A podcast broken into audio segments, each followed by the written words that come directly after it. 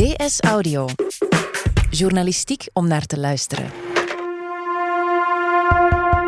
Vrouwen die zich mengen in het publieke debat krijgen vaker af te rekenen met haatberichten dan mannen. Maar waarom is dat zo? En wat valt eraan te doen? Het is vrijdag 6 maart. Mijn naam is Nele Eekhout en van op de redactie van De Standaard is dit DS Audio.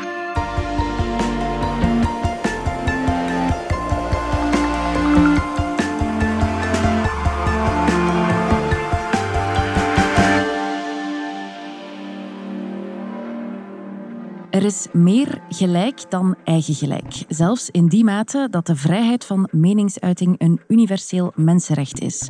Soms is de grens tussen mening en belaging echter dunnetjes. Maar wat doet dat met de mens? Zijn er bepaalde groepen mensen die meer belaagd worden met haat dan anderen? En wat valt daar tegen te beginnen? Bij mij zitten Josephine Dalemans, experte op het gebied van gendergelijkheid, Mia Doornaert, columniste bij De Standaard en journalist Wouter Woese. Josephine, we beginnen bij jou. Onder de kop the Tea, sis, reageerde jij in de krant op onze eigen ombudsvrouw Karin de Ruiter. Ja, ja, klopt. Uh, dus Karin de Ruiter had een stukje geschreven in haar vaste rubriek. En ze reageerde op een lezeres die zei dat er te weinig vrouwen in de krant stonden van de vorige week. Mhm. En Karin gaf eigenlijk uh, goede argumenten. Ze zei, uh, journalisten rapporteren over de wereld en daarin is ook nog steeds geen gendergelijkheid. Of misschien ligt het aan de samenstelling van de redactie zelf. Op onze redactie werken nog steeds meer mannen. Heel valabele argumenten allemaal.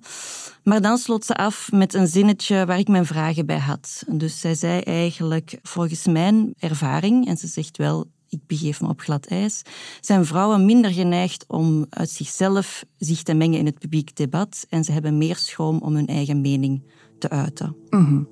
En daar was jij het niet mee eens? Nee, nee, ik hoor dat wel vaker. Van vrouwen zijn bescheidener van nature en zij komen niet zo graag voor zichzelf op of ze zetten zichzelf niet zo graag in de picture. Ik denk dat dat eerder te maken heeft aan, ehm, aan de plekken waar zij dat moeten doen dan aan de vrouwen zelf. Mhm. Ik ben hoofdredactrice geweest aan Charlie Magazine. Ik heb met meer dan 100 vrouwen samengewerkt en ik heb die schroom van hen nooit ervaren. Ik heb net heel veel vrouwen ontmoet met een hele uitgesproken mening, met een uitgesproken stem. En zij wilde die ook graag de wereld inbrengen.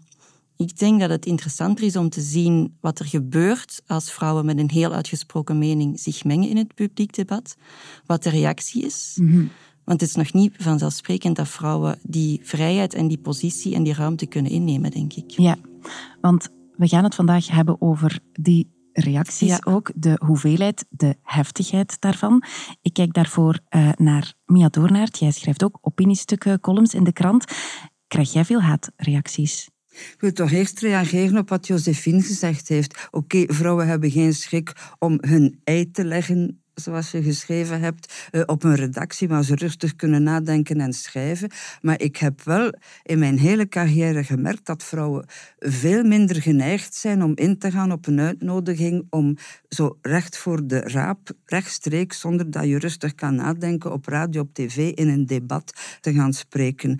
Dat is een verschil tussen mannen en vrouwen. Zo in een discussie, of dat nu binnen een vakbond is of om teven waar, als mannen 80% van het dossier kennen, zullen ze met de grootste aplomb hun opinie verdedigen. Als vrouwen het dossier voor 100% kennen, zullen ze nog soms beginnen met ik kan mij vergissen, maar heb ik mhm. altijd gezegd, doe dat niet, want dan ben je zelf in fout als men jou niet serieus neemt. Mannen doen dat niet, dus moet je zelf niet beginnen van het is misschien een domme vraag, maar, mhm. of ik kan me vergissen, maar doe dat niet ga er gewoon voor en geef je opinie als je zeker bent van wat je zegt. Wat dan de reacties betreft, ja, kijk, het is heel lang geleden dat ik een jonge journalist was. De maatschappij was heel anders. Er was ook al heftig debat, maar ze was vriendelijker. Nu is heel de maatschappij ruig geworden, onbeschoft geworden, brutaal geworden. Je kan ook kinderen niet meer wijzen op een gebrek aan goede manieren, want dan ben je onmiddellijk een ouderwetse trut of god weet wat. Dus heel de maatschappij maatschappij is veranderd. En daarbij horen dan ook die sociale media. Ik vond dat altijd een giftige stofwolk. Mhm. En mijn idee is altijd, blijf eruit. Ja, lees het niet, dan heb je er ook geen last van. Ja, want heb je er zelf ervaring mee met de giftige stofwolk? Uh, ja, ik ben daar even op gegaan, maar ik ben van een vorige generatie. Ik zit niet voortdurend op schermen te kijken, ik zit niet voortdurend op Twitter. Ik ben mij ook heel erg bewust van de maatschappij daarbuiten. Het grootste deel van de mensen die zijn bezig met hun job, hun gezin, hun hobby, noem maar op, die zitten niet voortdurend op die Twitter te kijken. Dat is een mm echokamer van altijd dezelfde mensen. Dus ja, blijf eruit, dan heb je er geen last van. Dus jij schermt je ervan af. Heb je ooit dingen meegemaakt die wel te ver gingen? Wel, ik heb ooit doodsbedreigingen gekregen lang geleden. En er waren dan een paar die ik toch beangstigend vond. Mhm. En heb ik dat aan Peter van der Meerse, toenmalige hoofdredacteur, getoond. En die zei, ja, we gaan toch klachten indienen, want dat is toch niet meer pluis. Mhm. En bon, die zijn dan opgehouden. Maar ja, zo scheldwoorden ook op je uiterlijk, op van alles. Uh, wel, dan denk ik altijd, ja, dat zegt veel meer over de mensen die dat schrijven dan dat over mij zegt. Mhm. Ik heb nu de leeftijd die ik heb, dat is 74 jaar. Dus het grootste deel van mijn leven ligt achter mij, mijn loopbaan ligt achter mij. Ik ben nog altijd leuk bezig met allerlei dingen. Dus wie doet me wat? Het zal mij een zorg wezen wat mhm. daar circuleert in die sociale media. We hebben ook met schrijfster en opiniemaakster Dalila Hermans gesproken aan de telefoon. Vier jaar geleden, toen zij op televisie in debat ging over Zwarte Piet, werd zij na de uitzending overspoeld echt overspoeld door een, een gecoördineerde aanval. Dat waren honderden, honderden berichten op één nacht met doodsbedreigingen, verkrachtingsscenario's, penissen, mij gefotoshopt op lijken. Het was echt, dat was echt heel, heel intens. En ik ben daar eh, fysiek ziek van geworden. En ik heb daar emotioneel ook echt uh, tijd voor nodig gehad om terug buiten te durven. Dat was heel erg heftig. Maar ik kan me eigenlijk geen tijd herinneren dat ik iets deed in de media of, of publiek zonder dat er haatreacties op kwamen. Ja, Mia, dat was een debat over Zwarte Piet. Iets wat de voorbije jaren heel veel heftigheid heeft teweeggebracht, zeker bij onze noorderburen. Heb jij ooit de afweging gemaakt om van een bepaald onderwerp beter weg te blijven? Nee, nee, nee, nee. Kijk, ik heb heel veel jaren pro-deo, heel veel werk gestoken in het verdedigen van de rechten van journalisten van vrije meningsuiting, dan ga ik niet van iets wegblijven, puur uit schrik dat er een hoop scheldwoorden over mij worden uitgegooid. Beseft u hoeveel mensen er gevangen zitten, gemarteld, gedood worden, omdat ze opkomen voor rechten die wij hebben en waar we soms te lichtzinnig mee omspringen. Dus soms zegt mij tegen mij, oh, u bent een moedige vrouw. Dan zeg ik, moedig, wat riskeer ik? Niet van naar de gevangenis te gaan, niet van gemarteld te worden. Mijn vrienden zijn nog altijd mijn vrienden, de zon schijnt nog altijd. Mijn familie ziet mij nog altijd graag. Dus ik vind het zeer laf als mensen in een democratische maatschappij van onderwerpen wegblijven, puur uit schrik dat ze de volle laag zullen krijgen van uit om het even welke hoek. Wat ik gewoon heel belangrijk vind om te onthouden in deze gesprekken is dat dat soort dingen echt al heel veel mensen de mond heeft gesnoerd. Er zijn heel veel mensen die ik persoonlijk ken, die ehm, ook een heel scherpe pen hebben en ook een heel uitgesproken mening hebben, maar die enig glimp hebben geworpen op wat er met mij gebeurde en hebben gezegd, nope, dank u. Dus dat heeft wel degelijk het publieke debat heel hard mee beïnvloed.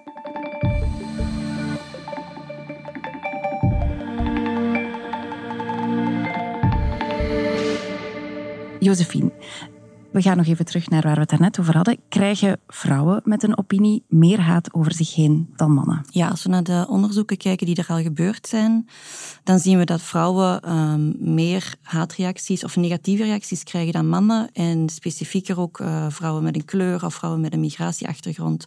Of vrouwen die bijvoorbeeld niet hetero zijn, ook meer dan witte vrouwen of dan hetero vrouwen.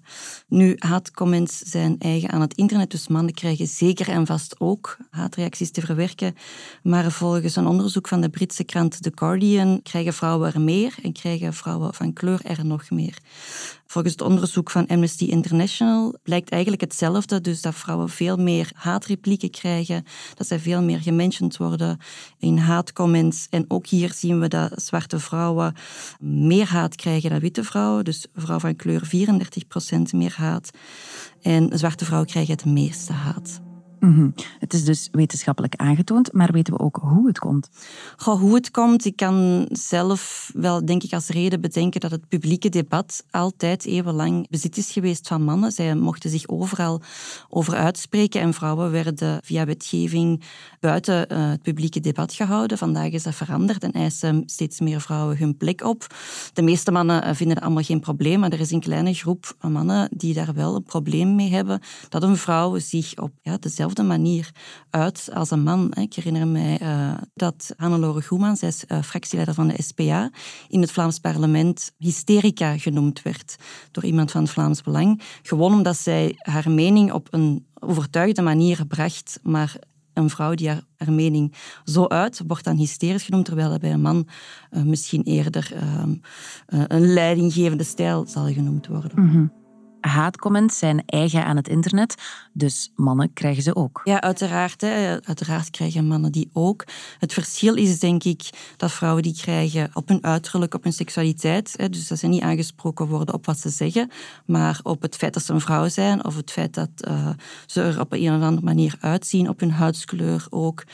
En wat ik ook hoor is dat het niet uitmaakt waarover dat ze praten, gewoon als ze mijn hoofd op tv zijn of met hun stem op de radio, dat ze daarna overstelpt worden met berichtjes Mensen denken soms dat ik haatreacties uitlok door wat ik schrijf. Want ja, je schrijft toch ook wel over um, gevoelige thema's. Je hebt het altijd over racisme. Maar het maakt echt, echt helemaal niet uit wat ik schrijf.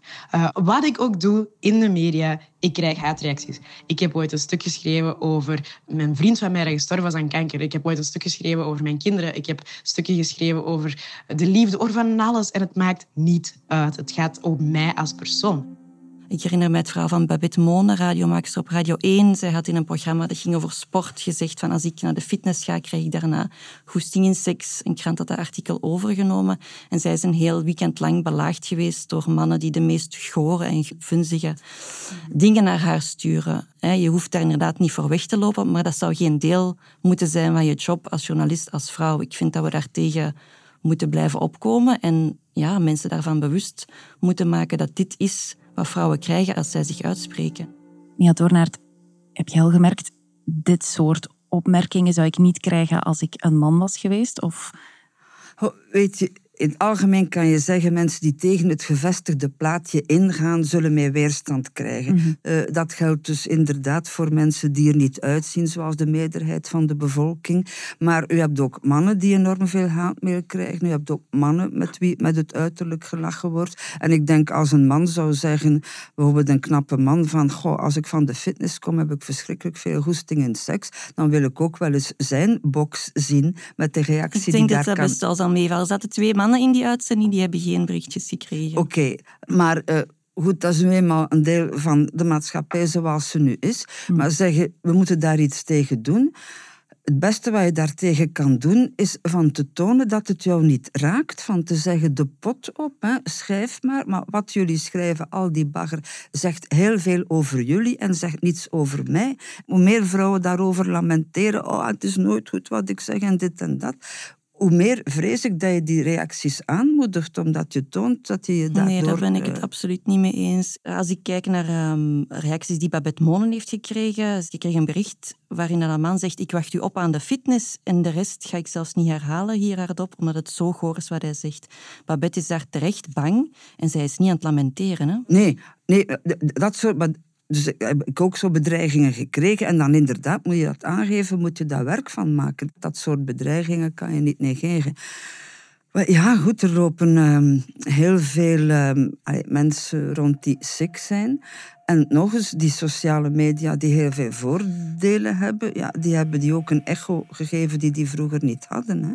Mm -hmm. En ik weet niet wat we daar kunnen tegen doen. Ik denk dat um, het grote verschil zit in het feit dat bepaalde bedreigingen of, of een bepaalde woede die naar mij gericht wordt, voor mij als echt effectief gevaarlijk aanvoelt. Ik merk vaak als mannen praten, mannen in de, in de media uh, praten over haatcomments dat ze krijgen, dat is vanuit een soort verontwaardiging en, en irritatie. Van dit is allee, die scheldt mij uit of zo. Terwijl bij mij is dat echt, ik moet de straat op, ik ben een vrouw. Als, als zoveel mensen zeggen, ik haat u zo dat je dood moet, of dat je verkracht moet worden, ja, ik, ik kan mij daar niet tegen verweren.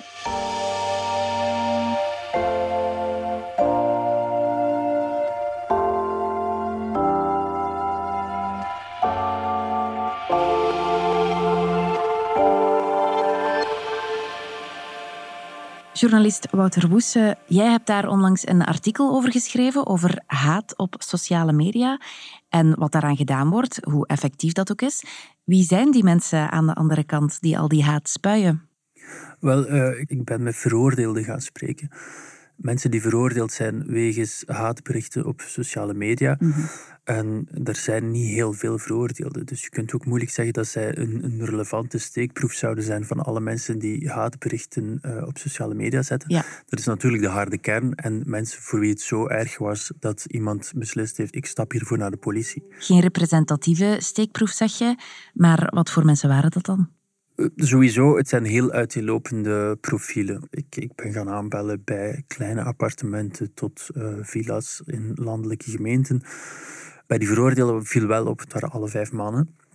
Maar ja, misschien is dat omdat er meer mannen op Twitter zitten. Um, ja, ze zijn heel uiteenlopend. Mm Heel uiteenlopend, maar een aantal mannen is wel veroordeeld.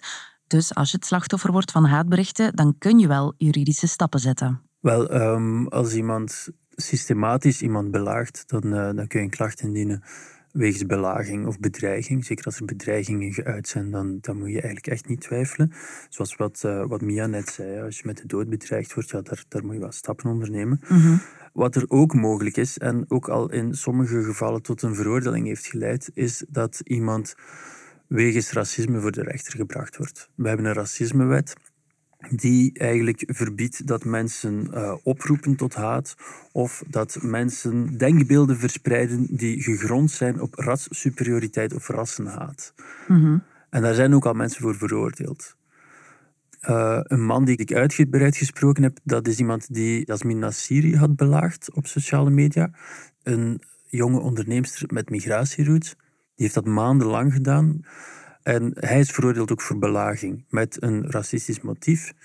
Het ergste wat hij ooit gedaan heeft, is dat hij het huis van haar ouders op, op Twitter had uh, geplaatst. En op dat moment is zij ook naar de politie gestapt, Mhm. omdat ze dat heel bedreigend vond dat er een anoniem account duidelijk op zoek was naar uh, persoonlijke gegevens van haar. Mhm. Welke straffen voorziet de wet? Wat staat daar tegenover? Die man is uh, gestraft met een werkstraf en heeft ook een schadevergoeding moeten betalen aan Yasmin Nassiri.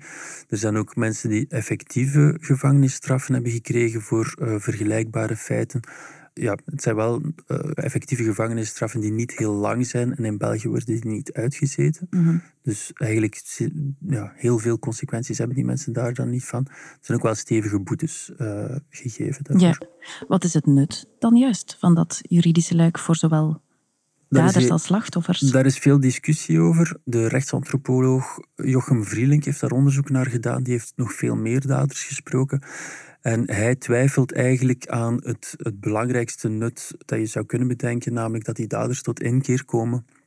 Hij vindt daar relatief weinig bewijs voor dat dat ook gebeurt. Zelfs als ze zouden zeggen dat ze tot inkeer gekomen zijn. Voor de slachtoffers lijkt het ook vaak een frustrerende ervaring om een klacht in te dienen, omdat het gevolg van die klacht niet altijd voldoende uh, is voor die slachtoffers. Wat kan dan een reden zijn om toch klacht in te dienen? Ik denk dat de belangrijkste reden zou kunnen zijn, is dat je denkt, dit is een maatschappelijk signaal. Dit kan niet. Uh, de wet wordt overtreden en als de wet overtreden wordt, dan moet er gestraft worden. Mm -hmm. Dus dat anderen zien dat er mensen voor de rechter gebracht en bestraft worden voor zulke uitlatingen. Ja, en is dat dan het enige wat je kunt doen? Klacht indienen? Is dat de enige mogelijkheid? Ik denk dat er veel betere mogelijkheden zijn. Ik denk dat het zeer belangrijk is dat mensen ook elkaar aanspreken. Dat is een belangrijke steun die je kunt geven, ook als je ziet dat iemand belaagd wordt. Of als, als jij iets gedeeld hebt over iemand anders en die wordt dan aangevallen, dan kun je eigenlijk in een gesprek misschien meer bereiken dan meteen met juridische middelen die alleen voor de harde kern bruikbaar zijn. Ik heb ook met Rashida Lamrabet gesproken. Zij heeft nog als juriste voor het Federaal Centrum voor Gelijke Kansen en Racismebestrijding UNIA gewerkt. En zij is ook burgerlijk partij geweest in zo'n zaak waar ze belaagd werd door een, een man op social media. Zij zegt eigenlijk uh, is belangrijker ook nog dan uh, juridisch ingrijpen, is dat het klimaat zou moeten veranderen. Dat het niet meer zo is dat mensen ervan uitgaan dat het oké okay is om op te roepen tot haat. Mm -hmm. Mevrouw Doornaert, ik zie u zuchten. Uh, ja, hoe verander je het klimaat? Ik bedoel, iedereen draagt ertoe bij, want ook de pers is toch wel ongenadiger geworden uh, voor politici, voor iedereen. De kleinste misstap wordt uh, in de verf gezet. Dus ik vrees dat ja, iedereen bijgedragen heeft tot een klimaat dat harder is, dat ongenadiger is, dat minder door de vingers ziet. Dat is geen excuus voor al de rest, maar ga maar eens het klimaat veranderen. Ja, kan het? Hoe draaien we dat terug naar een beleefder niveau misschien? Wel, uh, als ik zelf kijk naar mijn columns, ik schrijf met de voet vooruit, maar het gaat altijd over ideeën en principes. Ik ga nooit mensen persoonlijk aanvallen. Ik heb maar één keer lang geleden, daar heb ik eens over uh, Geert Bourgeois geschreven, dat hij een stijve hark was. Wat tegenwoordig eigenlijk zeer mild is. En toen droeg ik nog zo eigenlijk een ouderwets brilletje en had dan een dame geschreven van hoe is dat nu mogelijk van die man daarop aan te vallen? Hebt u zelf al eens bekeken op tv met uw stom brilletje? En ik dacht, ze heeft eigenlijk gelijk. Eh. Maar afgezien daarvan, hoe draag je daartoe bij? Ja, als iedereen zelf al in de stijl van de media zo een beetje cool is en niet altijd naar de extreme zoeken als er debatten georganiseerd worden, hoe vaak zet men die twee extremen tegenover elkaar? Mm Heb je alleen maar wel eens niet te zijn, u bent de fascist en u bent dit en u bent dat. Wat voor nut heeft dat? De meeste kijkers in mijn ervaring zien liever een debat waar mensen echt met elkaar praten mhm. en waar de kijker iets wijzer over wordt. Maar ja, dat geeft minder traction, zoals dat heet. TV- of radio-uitzendingen vinden het dan leuk als dat hernomen wordt door de pers. En zo draag je zelf bij tot een veel meer confronterende stijl. Josephine, je hebt het in jouw artikel ook over een verantwoordelijkheid die bij de krantenredacties zelf mhm. ligt. Mhm. Ja, daarom volg ik mevrouw Doornaert ook wel. Mm wat ik vaak zie gebeuren is dat er een polariserende quote uit een interview wordt getrokken. Die wordt dan als titel geplaatst. Het hele artikel verschijnt achter een paywall. En mensen gaan helemaal los op die quote die volledig uit de context is getrokken en alle haat gaat naar die persoon in kwestie. Uh, ik denk dat wat we nu aan het doen zijn ook heel nuttig is. Uh, want ik heb gehoord dat er veel mensen op de redactie niet weten dat bepaalde personen zoveel haat krijgen. En dat gaat redacteurs of journalisten of eindredacteurs misschien doen inzien dat ze bepaalde titels beter niet zo kunnen framen of dat ze in ieder geval rekening houden met dit is een gevoelig stuk en de journalist in kwestie bijstaan als hij of zij belaagd wordt.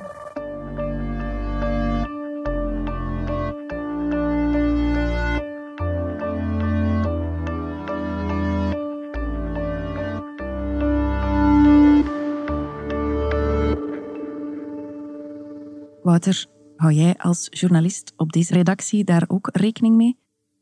Um, op een bepaalde manier wel, op een andere manier niet. De manier waarop je er geen rekening moet mee houden is door bepaalde onderwerpen te vermijden of bepaalde feiten niet te vermelden. Dat mm. mag je absoluut niet doen, want dan, dan doe je je basistaak als journalist niet. Maar wat je wel kunt doen, is heel zorgvuldig formuleren. Um, dat is eigenlijk wat een journalist sowieso moet doen. En als je weet eh, dat er bepaalde gevoeligheden zijn, ja, dan moet je netjes zijn in je taalgebruik. En het is goed ook om, om het gesprek daarover met zoveel mogelijk mensen te hebben, over wat er gevoelig kan liggen, wat een trigger kan zijn. Mhm. Ik denk dat je als journalist daar best in geïnteresseerd bent en daar rekening mee houdt. Mia Doornaert, Josephine zegt, vrouwen eisen meer een plek op in het publieke debat. Jij hebt een stukje van die geschiedenis meer meegemaakt dan uh, wij hier aan tafel. Hoe heb je dat zien veranderen?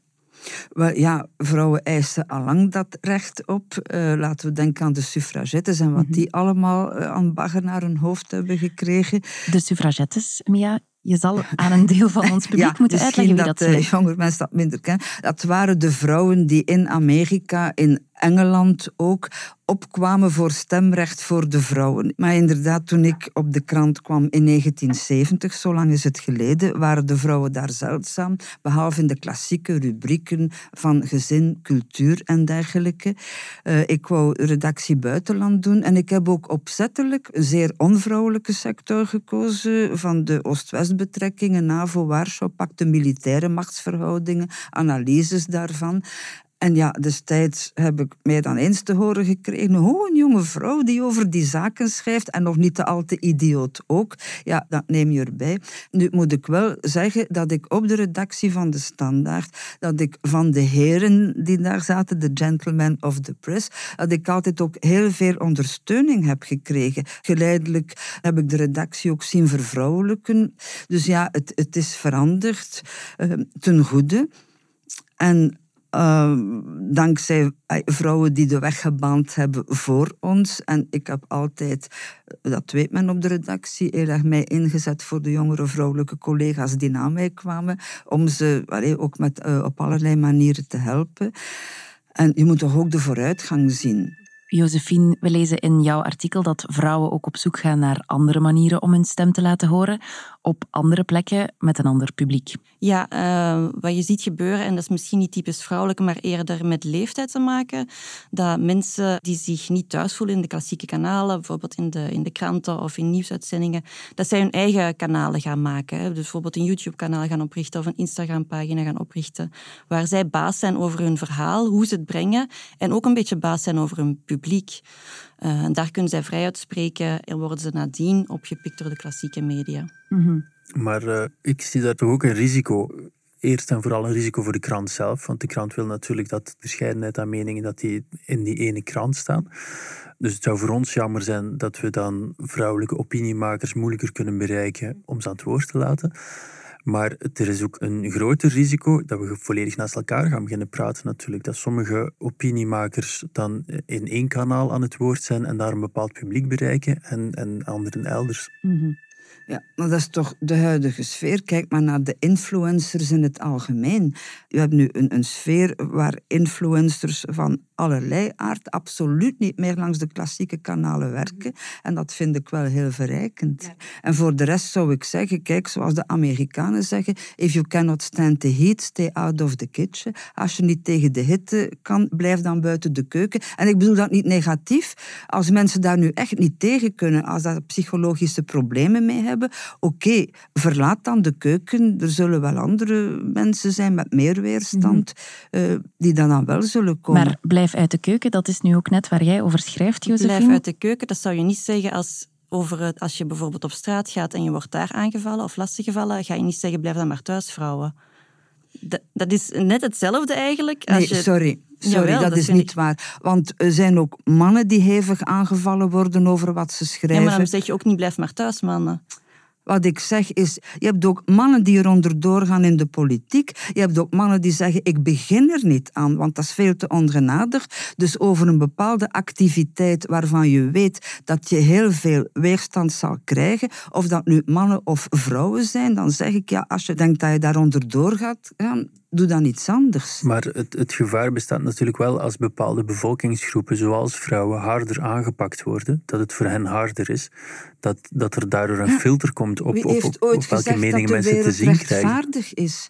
De eerste vrouwen die eraan begonnen zijn, sorry, hè, maar die begonnen nogal in een andere sfeer. En ik ben blij dat die er niet onder doorgegaan zijn. En elke keer als ik dan weerstand ondervond... Maar zij veranderden ook het systeem. En dat is ook wat dat ik voorstel, verander het systeem in plaats van de verantwoordelijkheid op het individu te leggen. Dat heeft, de suffragettes ook gedaan ja, maar de suffragettes zijn wel als individu begonnen. En het heeft lang geduurd voor het systeem veranderd is. En u moet eens lezen wat ze ondertussen allemaal doorstaan hebben. Uh, verlaten werden door hun echtgenoot van, ah, oh, mijn vrouw is zot geworden. Ze waren geen echte vrouwen. Wat die allemaal hebben meegemaakt, heeft lang geduurd voor zij het systeem veranderd hebben. En dat is altijd voortgekomen uit de moed van individuen. Of het nu is de emancipatie van de arbeiders of van de vrouwen. Dat zijn mensen die ontzaglijk veel moed hebben nodig die gebroodroofd zijn, die soms psychologisch gebroken zijn omdat ze deden. En vandaar dat ik zeg, kijk, als er mensen zijn die zeggen, ik ga hier onderdoor, ja, verniel dan jezelf niet en kies dan inderdaad een andere weg. En dat geldt zo goed voor mannen als voor vrouwen. Dit was DS Audio. Wil je reageren? Dat kan via dsaudio.standaard.be. In deze aflevering hoorde je Mia Doornaert, Dalila Hermans, Josephine Dalemans, Wouter Woesse en mezelf, Nele Eekhout. De redactie gebeurde door Robbe Klaas en Annelies van der Roost. Annelies deed ook de eindredactie. Brecht Plasgaard deed de audioproductie en schreef de muziek die je hoorde in deze podcast. Chef audio is Wouter van Driessen. Vond je deze podcast interessant? Weet dan dat je er elke werkdag in kunt beluisteren. Dat kan via de DS Nieuws app of via standaard.be-audio. Je kunt je ook abonneren via Apple Podcast, Spotify of de podcast-app van je keuze. En als je daar dan toch bent, schrijf gerust een review. Zo toon je ook anderen de weg. En we vertellen met de standaard natuurlijk niet enkel in onze podcasts over wat er in de wereld gebeurt. We doen dat ook in de krant en online. Benieuwd naar een abonnement? Ga dan zeker eens kijken op standaard.be-voordelig. Daar ontdek je ons aanbod en onze promoties. Maandag zijn we er opnieuw.